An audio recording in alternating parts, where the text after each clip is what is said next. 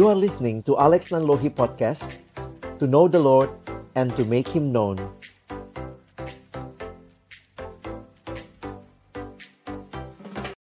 Benar ya Tuhan seperti pujian yang kami naikkan Janjimu seperti fajar pagi hari Yang tiada pernah terlambat bersinar. Dan kami sebagai umatmu pada pagi hari ini Datang dalam ucapan syukur di hadapan Tuhan Karena ada kesempatan bagi kami untuk beribadah memuji memuliakan namamu Tuhan Ada kesempatan bagi kami untuk duduk diam belajar akan kebenaran firmanmu Tuhan pagi hari ini kami rindu Engkau kembali menyatakan kehendakmu, isi hatimu kepada kami. Karena itu ketika kami akan membuka firmanmu, kami mohon ya Tuhan. Bukalah juga hati kami. Jadikanlah hati kami seperti tanah yang baik. Supaya ketika benih firman Tuhan ditaburkan. Boleh sungguh-sungguh berakar, bertumbuh, dan berbuah nyata dalam hidup kami. Berkati hambamu yang menyampaikan setiap kami yang mendengar. Tuhan tolonglah kami semua Agar kami bukan hanya jadi pendengar-pendengar firman yang setia. Tapi mampukan dengan kuasa dari rohmu yang kudus. Kami dimampukan menjadi pelaku-pelaku firman di dalam hidup kami. Bersabdalah ya Tuhan, kami umatmu sedia mendengarnya. Dalam satu nama yang kudus, nama yang berkuasa, nama Tuhan kami Yesus Kristus. Sang firman yang hidup, kami menyerahkan pemberitaan firman-Mu. Amin. Silakan duduk. Shalom. Selamat pagi Bapak Ibu Saudara yang dikasihi Tuhan. Kita bersyukur kepada Tuhan boleh kembali ada kesempatan beribadah seperti ini. Saya mengajak kita pagi hari ini dalam tema yang saya pilihkan bagi kita yaitu perjalanan mengenal Yesus. Sadarkah kita bahwa kehidupan kita sebenarnya adalah sebuah perjalanan untuk semakin mengenal Yesus?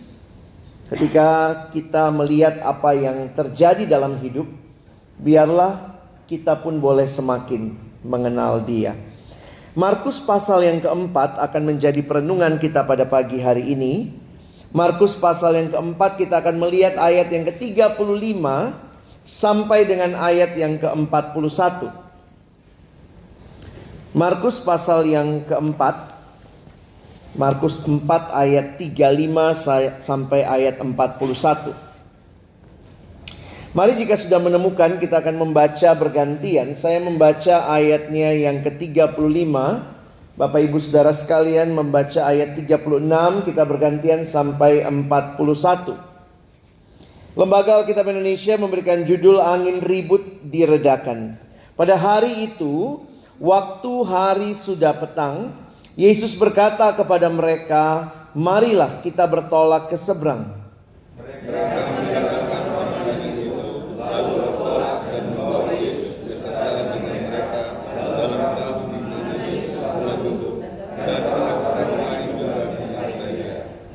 Lalu mengamuklah taufan yang sangat dahsyat dan ombak menyembur masuk ke dalam perahu sehingga perahu itu mulai penuh dengan air.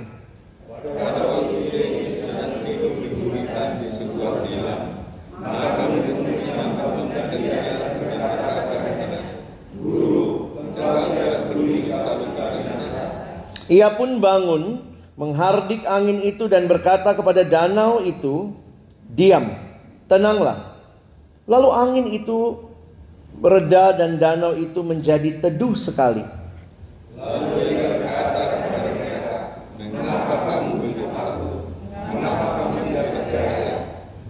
Mereka menjadi sangat takut dan berkata seorang kepada yang lain, Siapa gerangan orang ini?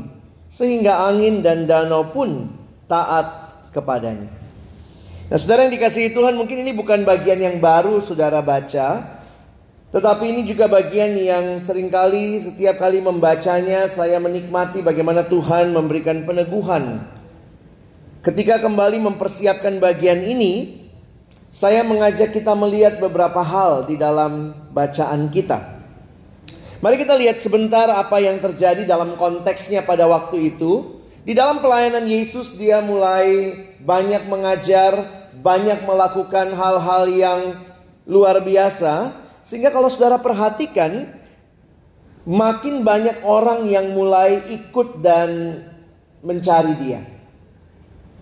Tetapi apa yang menarik kalau kita perhatikan, melayani orang banyak pasti melelahkan saudara ya. Dan ini yang kita perhatikan apa yang Yesus alami, dia kemudian bertolak ke seberang meninggalkan orang banyak itu. Beberapa penafsir Alkitab mengatakan mungkin juga salah satu cara untuk bisa istirahat adalah di perahu itu. Makanya kalau kita lihat ceritanya Yesus tertidur, Bapak Ibu ya. Tentu itu hari yang melelahkan buat Yesus dan murid-muridnya. Lalu dituliskan di dalam ayat yang ke-37 lalu mengamuklah taufan yang sangat dahsyat dan ombak menyembur masuk ke dalam perahu. Saudara ini Danau Galilea secara geografis kalau saya perhatikan di dalam bagian yang dituliskan kenapa ada danau bisa punya taufan yang sangat dahsyat dan ombak yang menyembur masuk ke dalam perahu. Dalam konteksnya, kalau Bapak Ibu mungkin ada yang sudah pernah ke Israel melihat ternyata Danau Galilea ini um, lebih rendah daripada permukaan laut. Jadi secara geografis maka kondisi alam ini memungkinkan memang sering kali terjadi taufan. Jadi ini pasti bukan taufan yang pertama yang murid-murid itu alami. Tapi coba perhatikan respon mereka. Pada waktu itu Yesus sedang tidur. Lalu kalau Bapak Ibu perhatikan di dalam ayat yang ke-38 pada waktu itu Yesus sedang tidur di, burida, di buritan di sebuah tilam. Buritan itu bagian belakang kapal. Maka murid-muridnya membangunkan dia dan berkata kepadanya, Guru engkau tidak peduli kalau kita binasa?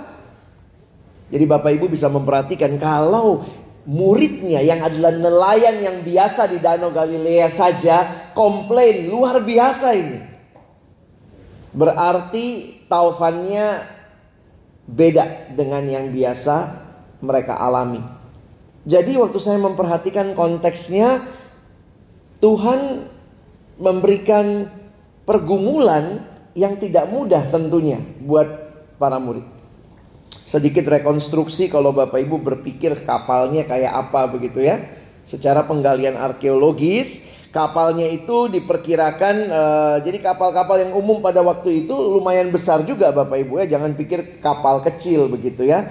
Dari penggalian arkeologis di sekitar Danau Galilea ada ditemukan satu kapal yang kira-kira dari 2000 tahun lalu itu tingginya 1,4 meter Panjangnya 8,1 meter dan lebarnya itu 2,3 meter. Jadi kalau Bapak Ibu bisa membayangkan itu cukup ternyata menampung sampai 15 orang. Jadi itu kapal yang ada pada waktu itu. Dan yang menarik untuk kita perhatikan adalah bagaimana respon murid-muridnya. Memang ini baru Markus pasal yang keempat. Tidak semua murid sudah kenal siapa Yesus. Coba Bapak Ibu lihat sebentar Markus pasal 3. Di Markus pasal 3 di sini Yesus memanggil kedua belas rasul di ayat 13. Ya. Bapak Ibu perhatikan Markus 3 ayat 13, di situ Yesus memanggil 12 rasul. Jadi baru di sini mereka baru mulai ikut Yesus. Tapi apakah yang mereka perhatikan dari hidup Yesus? Paling tidak lihat Markus 2 sudah ada banyak kesembuhan, ya.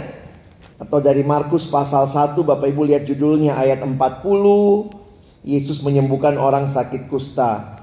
Pasal 2 orang lumpuh disembuhkan. Lalu kemudian pasal 3 ayat yang pertama Yesus menyembuhkan orang pada hari Sabat. Lalu pasal 3 ayat 7 judul LAI Yesus menyembuhkan banyak orang. Jadi sudah banyak hal yang sebenarnya mereka tahu dan lihat dari hidup Yesus. Tapi pertanyaannya apakah mereka benar-benar kenal dengan Yesus? Nah ini yang saya mau ajak kita renungkan pada hari ini. Lihat sebentar ayat 39 kembali di bacaan kita. Lihat respon Yesus. Ia pun bangun menghardik angin itu dan berkata kepada danau itu diam tenanglah. Lalu angin itu reda dan danau itu menjadi teduh sekali. Nah ini menarik ya, teduh sekali. Lalu ia berkata kepada mereka, nah kalimat Yesus bagi saya ini kunci kita mengerti. Mengapa kamu begitu takut? Mengapa kamu tidak percaya? Salah satu hal yang sulit dalam hidup beriman kita, beriman artinya percaya. Kita disebut orang percaya. Tapi hal yang paling sulit kita lakukan adalah percaya itu. Nah, ini jadi pergumulan bagi banyak orang, siapakah Yesus bagi hidup kita? Melihat peristiwa ini, saya melihat Yesus tidak hanya sekadar mengizinkan terjadinya satu peristiwa alam yang menakutkan bagi murid-muridnya. Tetapi sebenarnya lebih dalam lagi. Ini adalah satu kesempatan yang Yesus berikan kepada murid-muridnya untuk makin kenal dia. Mari Bapak Ibu jangan hanya melewati hidup itu seperti biasa saja. Tapi lihatlah setiap kesempatan kehidupan, setiap peristiwa kehidupan, setiap hal yang kita alami maka pertanyaannya apakah kita makin kenal Tuhan? Tentu hidup tidak selamanya mulus seperti yang kita harapkan. Kadang-kadang banyak orang fokus sama masalahnya, fokus sama pergumulannya yang memang tidak mudah, tidak enak waktu kita mengalaminya. Saya pikir ngalamin kayak murid Taufan seperti ini pasti tidak enak. Tapi jangan berhenti sampai kepada peristiwanya saja. Mari lihat lebih jauh. Apakah iman percaya Bapak Ibu dan saya semakin bertumbuh kepada Tuhan. Saya ulangi. Jangan hanya melihat peristiwa-peristiwa hidupnya dan berhenti di situ, tapi lebih jauh lagi. Apakah iman percaya kita semakin bertumbuh dalam pengenalan akan Tuhan setelah melewati pergumulan-pergumulan itu. Inilah yang Tuhan Yesus mau sampaikan kepada murid-muridnya tentunya. Kalau kita lihat ayat 41, mereka menjadi sangat takut dan berkata seorang kepada yang lain, "Siapa gerangan orang ini sehingga angin dan danau pun taat kepadanya?" Paling tidak murid-muridnya sampai pada satu penghayatan. Angin dan danau. Alam ini taat kepada dia.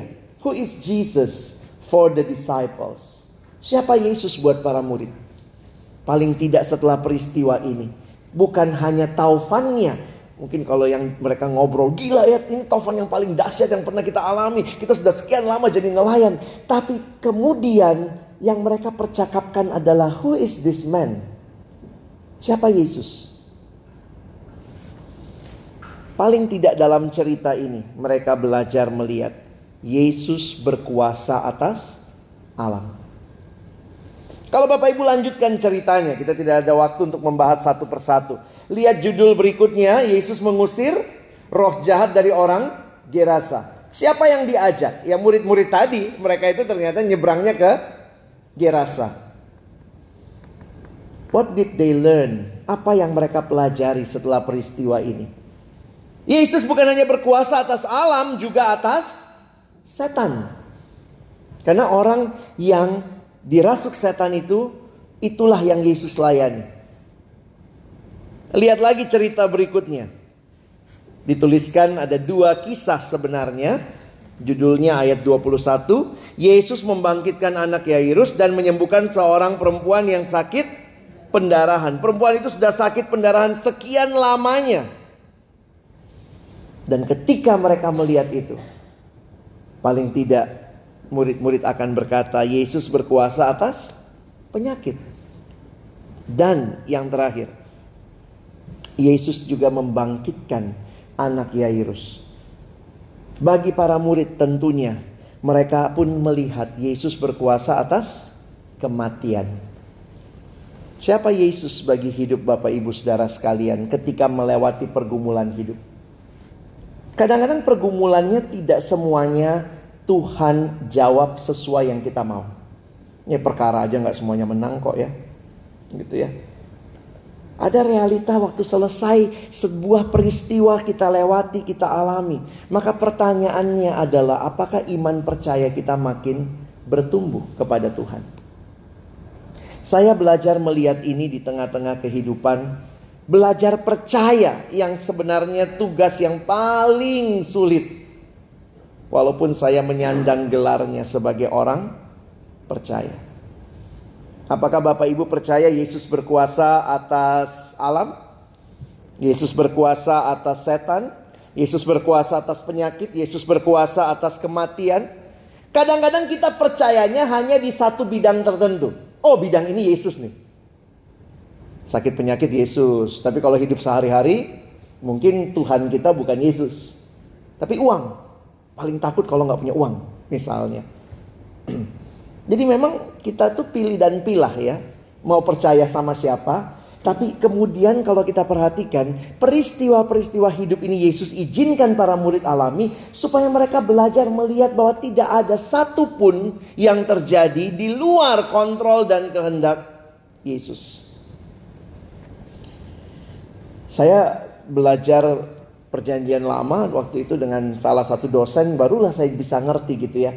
Maksudnya gini, kenapa Israel itu, kenapa bangsa Israel sudah dibawa Tuhan keluar dari Mesir masih aja menyembah berhala, dewa-dewa bangsa lain. Jadi waktu uh, itu penjelasan yang paling bisa saya pahami adalah jadi orang Israel itu mengertinya, jadi kalau Bapak Ibu perhatikan namanya Yahweh itu salah satu sebutan yang mereka sampaikan, dia adalah Tuhan semesta alam. Nah, mesti cek bahasa Inggrisnya. Bahasa Inggrisnya pun menerjemahkan Lord of Hosts. Jadi, Tuhan semesta alam dia pakai istilah Lord of Hosts.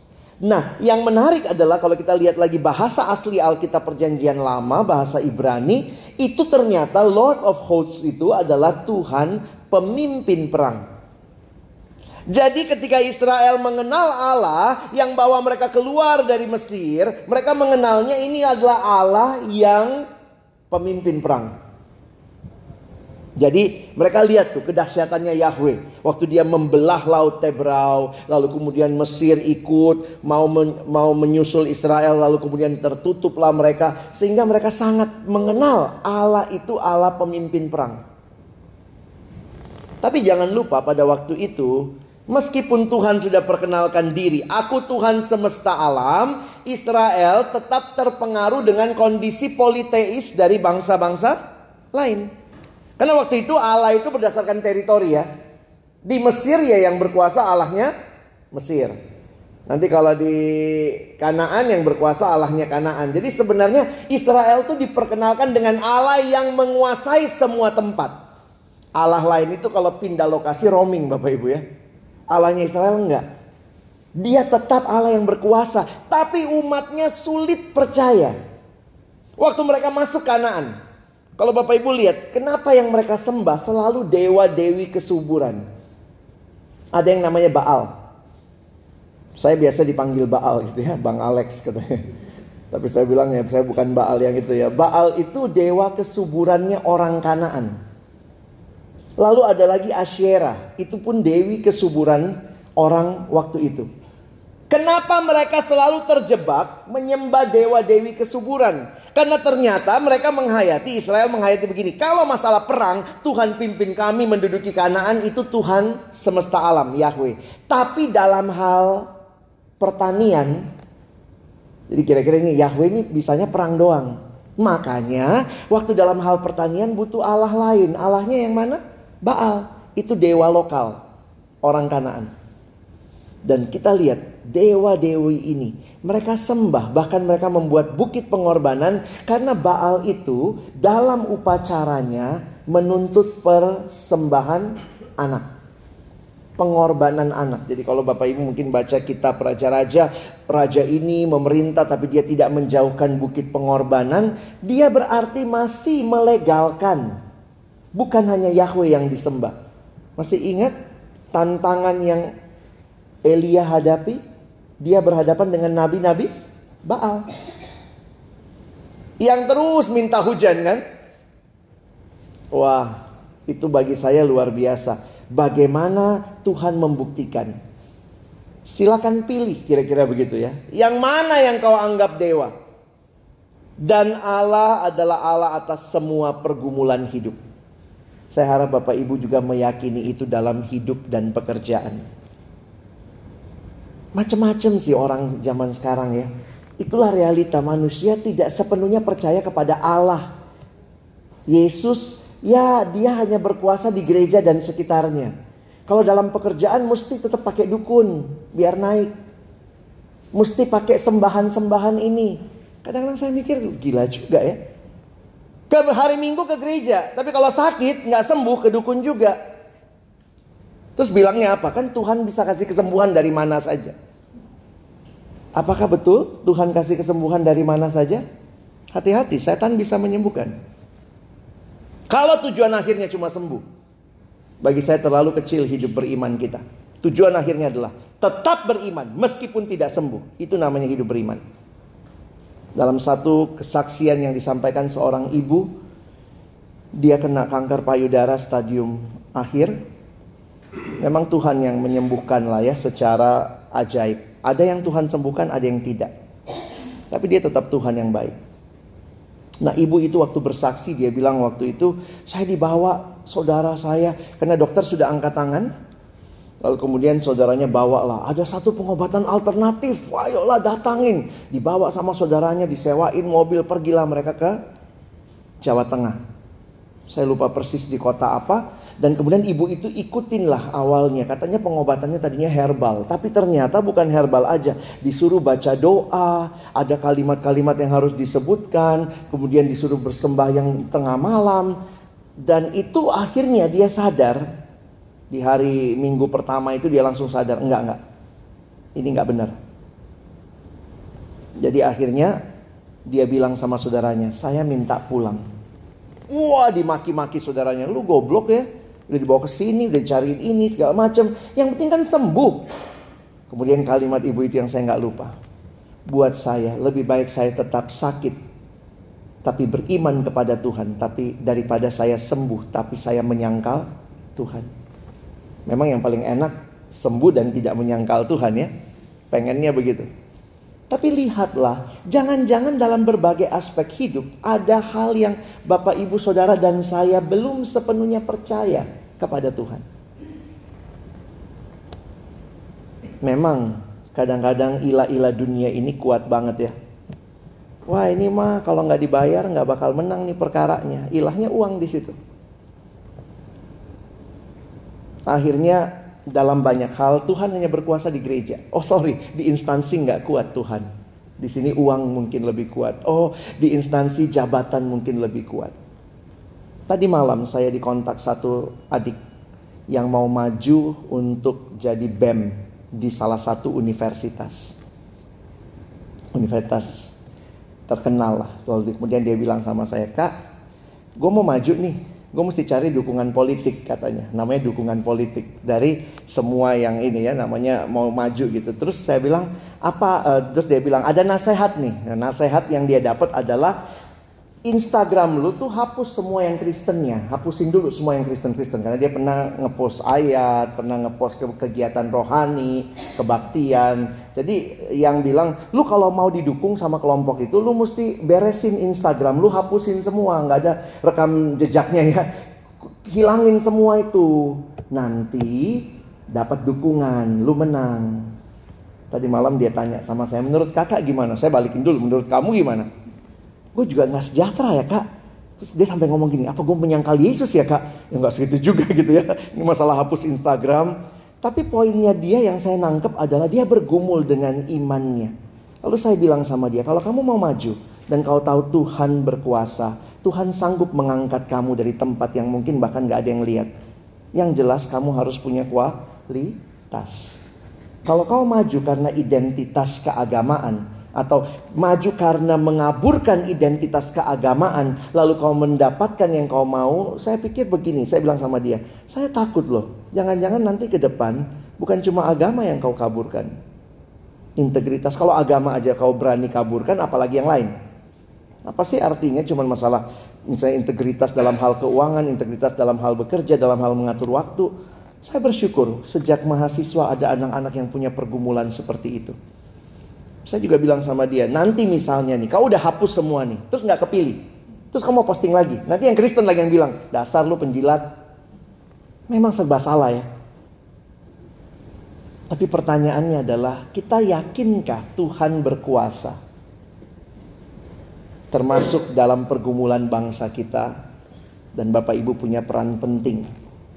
Saya pikir kalau aparatnya saja tidak punya keyakinan Allah berkuasa, gimana rakyat begitu ya? Saya jadi makin menyadari benar ya Tuhan, siapa engkau itu akan menentukan hidupku seperti apa.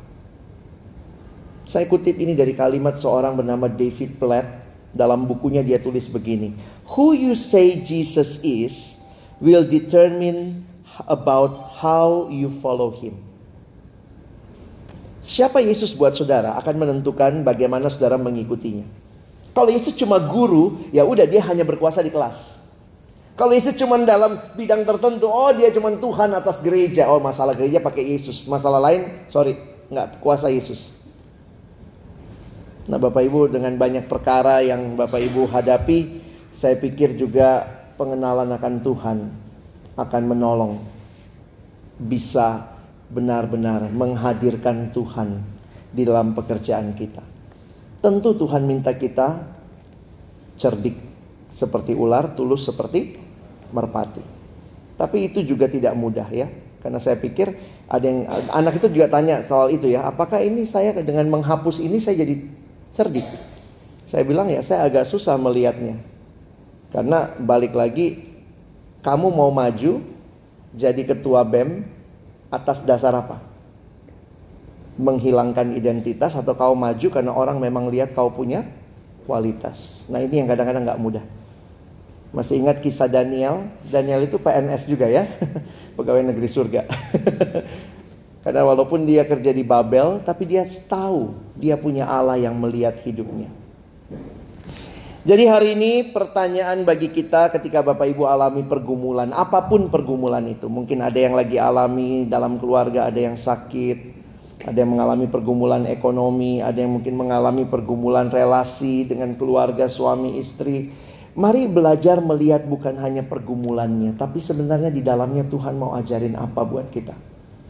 Siapa sih Tuhan yang akhirnya kita makin kenal? Mengenal Tuhan adalah tujuan akhir dari hidup kita. Dan biarlah pergumulan-pergumulan kita, kita terus melihat, memandang kepada Tuhan. Kadang-kadang kita suka kebalik mikirnya ya. Saya tanya sama anak sekolah. Saya sering kali ke sekolah-sekolah Bapak Ibu ya. Biasa kalau mau deket ujian nasional tuh ada kebaktian persiapan ujian nasional. Kalau mau ujian aja kebaktian gitu ya, kayak nyogok banget gitu ya. Ini kalau ada ada ini ya, ketangkep kita ya. Kita ini banyak kayak penjilat gitu. Kalau mau apa dari Tuhan baru datang begitu ya. Kalau ada jaksa sorgawi ketuntut kita semua nih. Kalau ada maunya baru mulai deket-deket sama Tuhan gitu ya. Termasuk anak-anak sekolah gitu ya. Kebaktian di kampus juga gitu. Kalau mau ujian tuh rajin tuh. Oh datang semua tuh. Kesannya kayak gini Tuhan gue udah datang nih. Nggak di, nggak diberkati kebangetan. Tuhan bilang lu yang kebangetan ya. Saya tanya sama mereka kalau kalian lulus ujian nasional, Tuhan baik, itu semua jawab baik, gampang banget jawab. Kalau kalian tidak lulus ujian nasional, Tuhan baik, enggak, enggak, enggak. Pertanyaannya begini, Tuhan itu jadi baik atau jadi nggak baik karena pengalaman hidup kita kan? Kalau Tuhan tidak jadi tidak baik karena pengalaman hidup kita, jangan-jangan kita Tuhannya. Ketika Bapak Ibu tidak dapat yang Bapak Ibu harapkan, ketika kita sakit dan tidak kunjung sembuh. Dan banyak yang Tuhan izinkan tidak sembuh. Apakah kemudian kita berkata Tuhan tidak baik?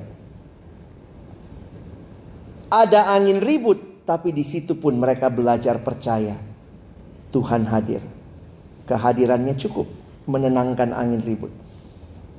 Dan itulah yang bagi kita saya pikir akan menolong Bapak Ibu melewati hidup ke depannya jangan sibuk dengan mengkategorikan ini Tuhan lagi jahat sama saya. Kita suka gitu tanpa sadar ya. Kayaknya Tuhan tuh lawan gitu. Ini lagi nggak baik sama gue nih. Nah, ini lagi baik. Woi, lagi lagi apa best friend. nanti kadang-kadang Tuhan jahat. Saya pikir kalau kita punya pemahaman seperti itu, sebenarnya kita nggak kenal siapa Tuhan kita. Tuhan yang hadir, dia Tuhan yang selalu baik, apa pun yang kita alami. Kadang kita tidak mengerti, mengapa ini disebut baik. Mungkin Tuhan tidak jawab sekarang. Di waktu ke depan, Tuhan akan berikan jawaban yang mungkin Bapak Ibu nggak bisa pahami secara tuntas. Ingat yang Tuhan dia, bukan kita. Saya tutup dengan kalimat ini. Ada kalimat bahasa Inggris yang saya dapat minggu lalu. Kalimatnya menarik. When you run alone, it's called race. Waktu saudara lari sendiri itu namanya pertandingan race. But when you run with God, it's called grace. Waktu engkau berlari, berjalan bersama Tuhan, itulah anugerah. Biarlah hidup kita bukan hanya sebuah pertandingan. Saya dapat ini, saya capai ini, saya punya ini, saya dapat ini. Tapi di dalamnya setiap kali kita bisa belajar tanya lagi. Tuhan, kenapa saya promosi ya? Tuhan lagi mau ajarin apa? Siapa engkau buat aku? Tuhan, kenapa keluarga aku alami ini? Siapa engkau buat aku? Biarlah aku terus percaya kepadamu. Selamat berjalan bersama Tuhan. Kenallah dia Allah yang hidup. Amin. Mari kita berdoa. Tuhan terima kasih karena pengalaman-pengalaman hidup kami yang begitu sederhana. Tapi di dalamnya Tuhan tidak berhenti mengajari kami. Dan biarlah hari ini waktu kami kembali diteguhkan lewat firman-Mu, tolong kami untuk belajar percaya, berserah kepadamu. Hidup tidak selamanya seperti yang kami mau. Tapi di dalamnya kami pun jadi belajar bahwa selamanya dalam hidup yang tidak mudah, Engkau hadir dan menyertai. Seringkali kami diliputi ketakutan. Kami khawatir. Kami putus asa. Tapi tolong kami seperti murid-murid yang datang kepadamu. Dan ketika engkau bertindak, di situlah kami bisa tenang. Karena engkau hadir bagi kami. Terima kasih Tuhan, terima kasih buat kesempatan kami merenungkan firman-Mu. Sekali lagi tolong kami bukan cuma jadi pendengar, tapi jadi pelaku-pelaku firman-Mu. Dalam nama Yesus kami bersyukur, kami berdoa. Amin.